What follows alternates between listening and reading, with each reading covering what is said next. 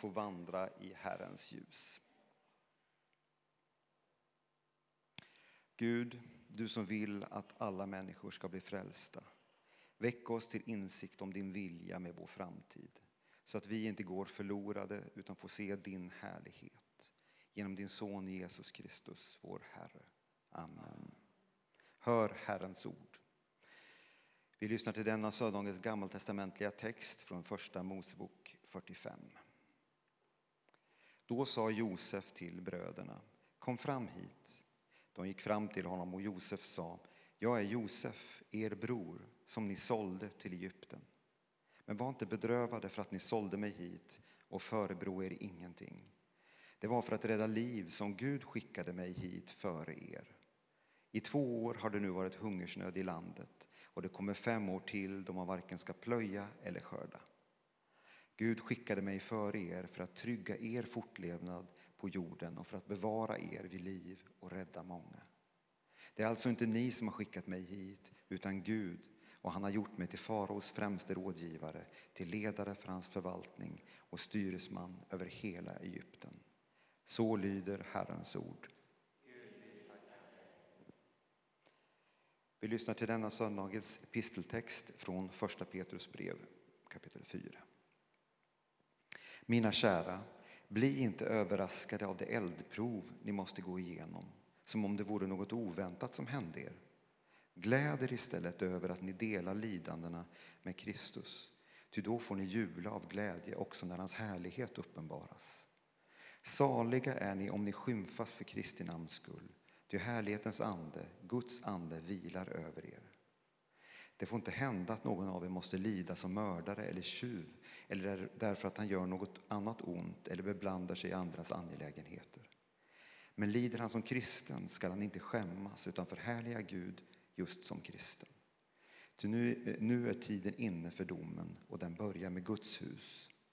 Men om den börjar med oss, hur blir då slutet för dem som inte vill tro på Guds evangelium? Om den rättfärdige blir räddad med knapp nöd, hur går det då med den ogudaktige och syndige? Därför ska de som lider efter Guds vilja överlämna sitt liv åt sin trofaste skapare och göra det goda. Så lyder Herrens ord.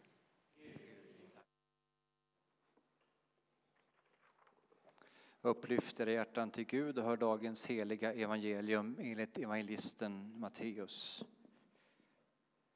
Jesus sa Jerusalem, Jerusalem, du som dödar profeterna och stenar dem som blir sända till dig. Hur ofta har jag inte velat samla dina barn så som hönan samlar sina kycklingar under vingarna, men ni ville inte. Nu får ni själva ta hand om ert övergivna hus. Ty jag säger er, ni ser mig inte mera förrän den dag då ni säger välsignade han som kommer i Herrens namn. När Jesus lämnade templet och var på väg därifrån kom hans lärjungar fram till honom och pekade på tempelbyggnaderna. Då sa han till dem, se på allt detta. Sannerligen, här kommer inte att lämnas sten på sten.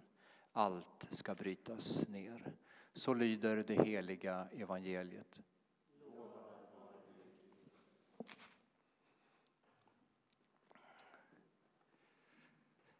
Petrus i episteltexten idag skriver till en rad kyrkor som lever i en region som nu för tiden är i Turkiet kan man säga. En, en, ett rad kyrkor som lever under en ganska hård press. Under förföljelse från grannar, hån, förkastelse, problem med myndigheterna just för att de bekänner sig till Jesus Kristus. Då var det så och så är det också idag. Det finns en organisation som heter Open Doors Eh, som eh, har just en bevakning och eh, böneaktivitet just för människor som lever under förföljelse. De har räknat ut att ungefär 340 miljoner kristna i världen idag lever under förföljelse. Och det är i den trängda situationen, då och nu, som Petrus skriver Bli inte överraskade av det eldprov ni måste gå igenom. Som om det vore något oväntat som hände er.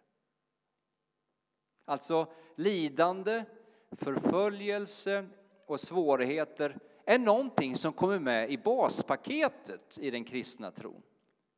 Att leva i Kristus är också att erfara hans lidande och dela det på djupet. Jesus säger ju om och om igen i evangelierna att vi dagligen måste ta upp vårt kors och följa honom. Och kanske som en nyhet för många av er, korset är ingen andlig spaanläggning. Men när vi tänker på Kristuslidandet, ska jag ha det närmare eller längre bort från munnen? När, längre ner. Så. När vi tänker på Kristuslidandet är det lätt att vi reducerar det till de tre heliga dagarna i påsktiden. Men Jesu lidande var mycket mer omfattande än så. Och när vi förstår det kanske även vi som lever här i ett ganska tryggt land också kan förstå att vi kan ta till oss den här texten precis som våra lidande trosyskon i världen gör idag. För vad genomled Jesus i sitt jordeliv? Var det bara korset, spikarna, gisslet och törnekronan? Johannes skriver i inledningen av sitt evangelium så här. Jesus var i världen. Världen hade blivit till genom honom, men världen kände honom inte. Han kom till det som var hans, och hans egna tog inte emot honom. Och längre fram i sitt evangelium så skriver Johannes Judarnas lövhyddefest närmade sig.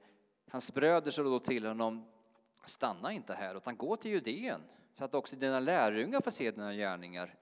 Ingen verkar i skymundan om han vill bli allmänt känd. Om du gör sådana ting, visa dig då för världen. Inte heller hans bröder trodde på honom.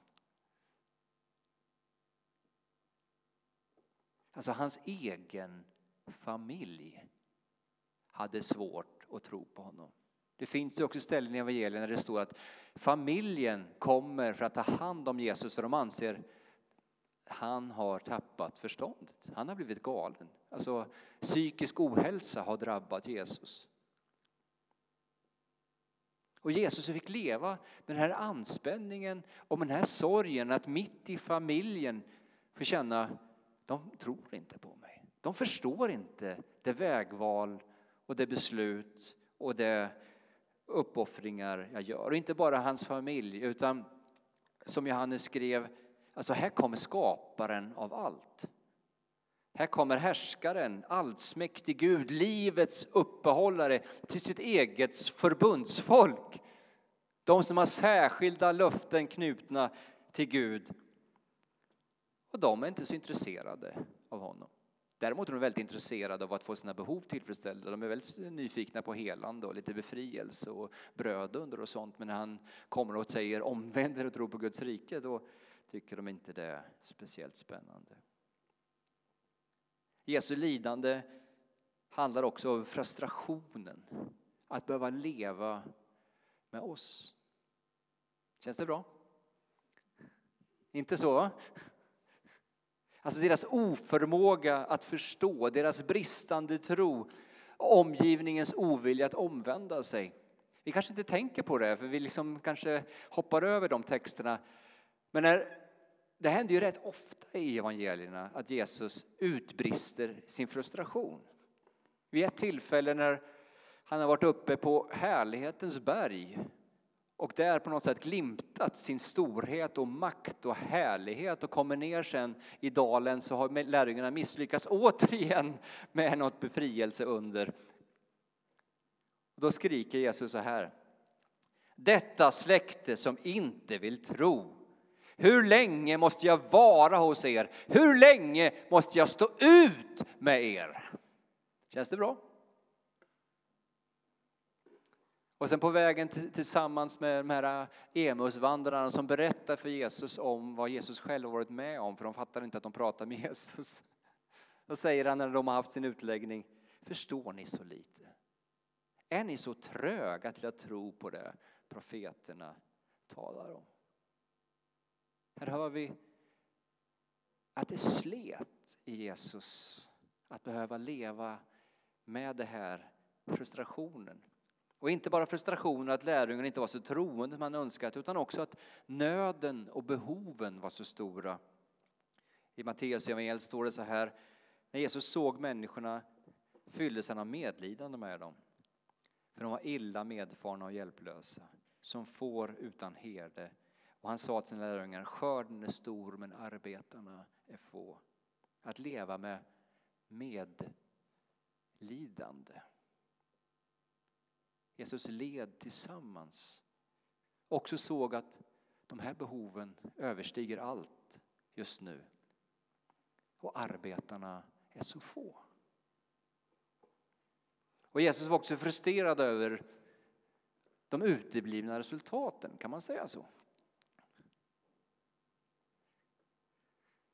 I ett annat av evangelierna säger Jesus så här. Sedan börjar Jesus anklaga de städer där han har utfört så många underverk och förebrår dem att de inte hade omvänt sig. Ve dig Korasin, ve dig Betsaida. Ty om de underverk som hade utförts hos er hade skett i Tyros och Sidon så hade dessa städer för länge sedan omvänt sig i säck och aska. Vi tänker kanske inte på att Jesus går in i Tyros, eller vad var det för en stad? Korasin menar jag. Där sker det, han utför helanden, befrielse, under. Vi vet ju inte vad han gjorde där. Och folk bara, ja, tack men nej tack. Vi tänker Jesus kanske bara hade liksom så här, wow! Och det tänker vi så här också ibland, om vi bara hade mer under och tecken hos oss, då skulle folk tro. Men här ger Jesus enorma under och det fortsätter också i Kapernaum och andra städer och folk bara tycker, nej.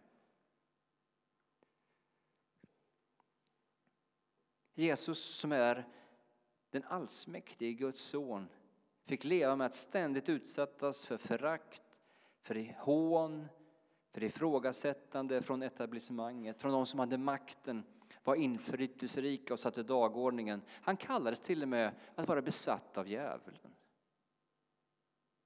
Från dem som var vippmänniskor, från dem som styrde. Och den kristna tron har alltid lärt att Jesus är inte bara Gud, han är också 100% människa. Tror ni att det kändes hos Jesus? Detta.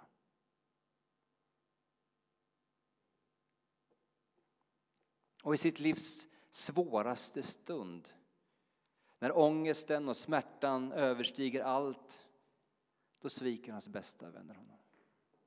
Då förråder de honom. Då förnekar de honom. Och på korset så upplever han till och med att Fadern överger honom. Att dela Kristuslidandet innefattar också allt detta. Att få leva i den här frustrationen, ångesten, svårigheten, familjen som inte förstår att man inte blir mottagen som man hade önskat, att inte se de resultat man längtar efter, att få bli utsatt hela tiden för förakt och ifrågasättande. Det är en del, kära bröder och systrar, som vi också erfar och kommer att erfara. För Jesus säger, eller Paulus säger till Timoteus, var och en som vill leva gudfruktigt i Kristus Jesus kommer att förföljas, kommer att få uppleva och dela Kristus lidandet. Jaha, ska vi stanna där?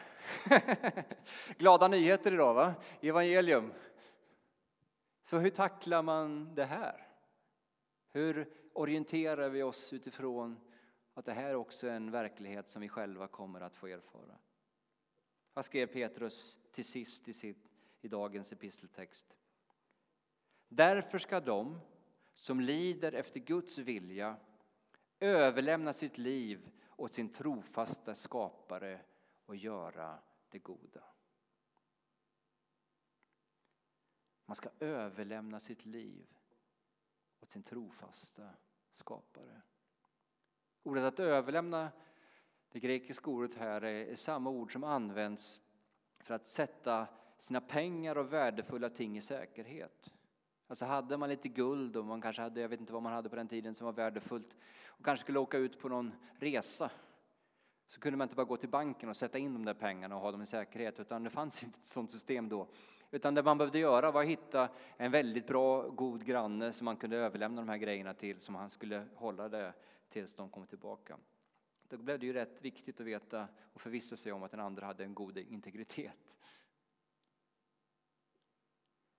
Vi överlämnar våra liv åt vår trofasta skapare. Så här utmanar vi oss att öva oss i överlåtelse. För Jesus säger i dagens evangelietext så här. Hur ofta har jag inte velat samla dina barn så som hönan samlar sina kycklingar under vingarna, men ni ville inte. Nu får ni själva ta hand om ert övergivna hus. Vårt val är detta att antingen själva ta hand om vårt hus som därmed blir ensamt och övergivet eller låta oss dras in under Guds beskyddande vingar. Det här är lättare sagt än gjort. Men vi prövas idag i vårt sätt att tolka och förstå våra liv. Tror vi på allvar på Guds försyn och att Guds goda vilja kan ske även när det onda verkar? Vårt uppdrag är inte att resignera, att odla självömkan och bara med glädje ta emot allt skit som kommer över våra liv. Jesus bad i ett semane, Herre låt mig få slippa kalken. Paulus har en liknande erfarenhet när han skriver i Andra Korinthierbrevet 12 så här. Och för de väldiga uppenbarelsernas skull, för att jag inte ska bli högfärdig, har jag fått en tagg som sticker mig, en ängel från Satan som misshandlar mig, så att jag inte blir högfärdig. Tre gånger har jag bett Herren att ska lämna mig i fred. Men han svarade, min nåd är allt du behöver. Ja, i svagheten blir kraften störst. Därför vill jag helst skryta med min svaghet så att Kristi kraft kan omsluta mig. Jag gläds åt svaghet, förolämpningar, svårigheter, förföljelser och nöd när det är för Kristi skull. För när jag är svag, då är jag stark. Vi vet inte vad den här törntaggen är för någonting. Är det en sjukdom han haft eller har? Är det att han ständigt blir ifrågasatt som apostel? apostel? Vi vet inte, men det vet vi. Han kämpade emot. Det är det jag menar, vi ska inte resignera, lägga oss platta när lidandet och svårigheterna kommer. Vi får kämpa emot. Vi får be till Gud. Vi får ropa om helande, om befrielse, om öppning, om ljus. Men Paulus insåg sen när bönesvaret uteblev efter en lång kamp att nu var det här någonting att leva med. I förtröstan på att i allt detta verkar ändå Gud. Och det var även så Josef i dagens gammaltestamentliga läsning tolkade sitt livs resa. Vi läser det igen. Jag är Josef, er bror, som ni sålde till Egypten. Men var inte bedrövade för att ni sålde mig hit. Och förebrå er ingenting. Det var för att rädda liv som Gud skickade mig hit för er. Det är alltså inte ni som har skickat hit mig, utan Gud. Hallå?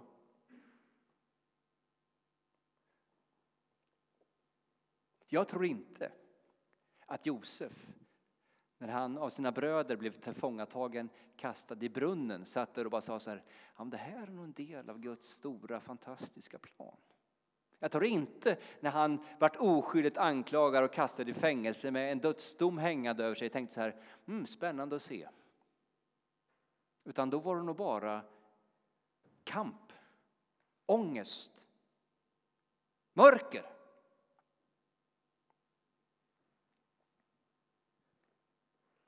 Men efter ett tag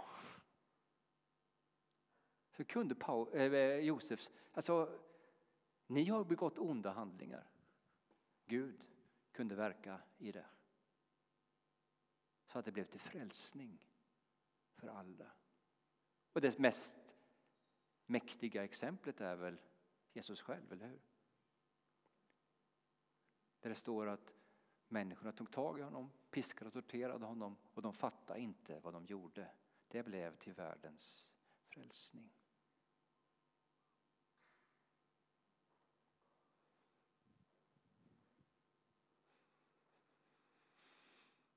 Lyssna nu. Vi kallas inte till att försöka se en mening i allt som sker. Eller försöka recensera de olika lidanden vi går igenom.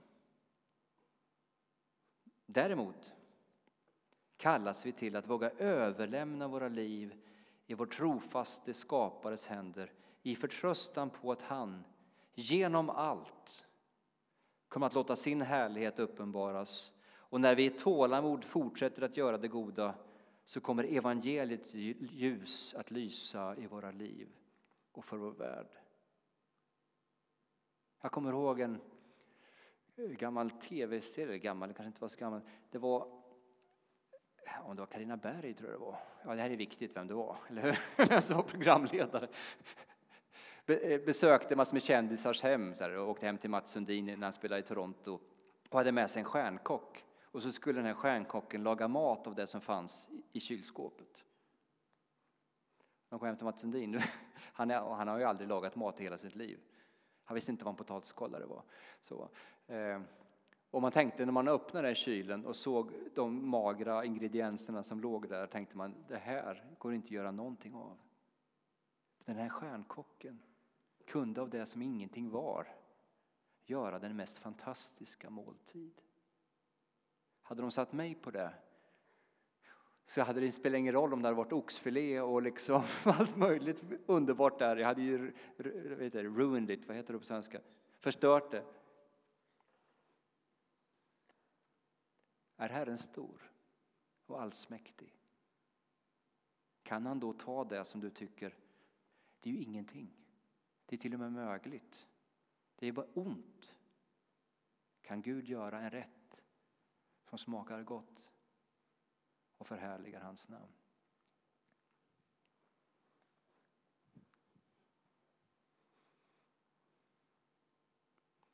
Till sist det finns en broder som heter Charles de Foucault som ensam gav sig iväg till Algeriet och försökte under några år vittna för tuaregerna, muslimerna där. Slutade med att han blev ihjälslagen. Men han formulerar en bön. Och det märkliga är att helt ensam i det fördolda så gav han sitt liv och idag finns det en stor orden tack vare honom. Och han ber den här bönen som jag ska läsa till sist.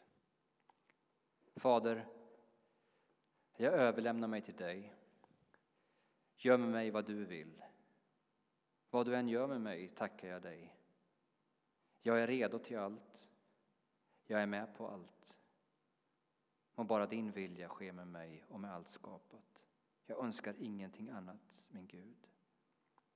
Jag lägger mitt liv i dina händer. Jag ger dig det, min Gud, med all mitt hjärtas kärlek, för jag älskar dig. Och det är ett behov för mig att få ge mig, att få överlämna mig i dina händer utan förbehåll, med en oändlig förtröstan. Ty du är min fader. Ära vare Fadern och Sonen och den helige Ande, nu och alltid och i evigheters evighet. Amen. Halleluja.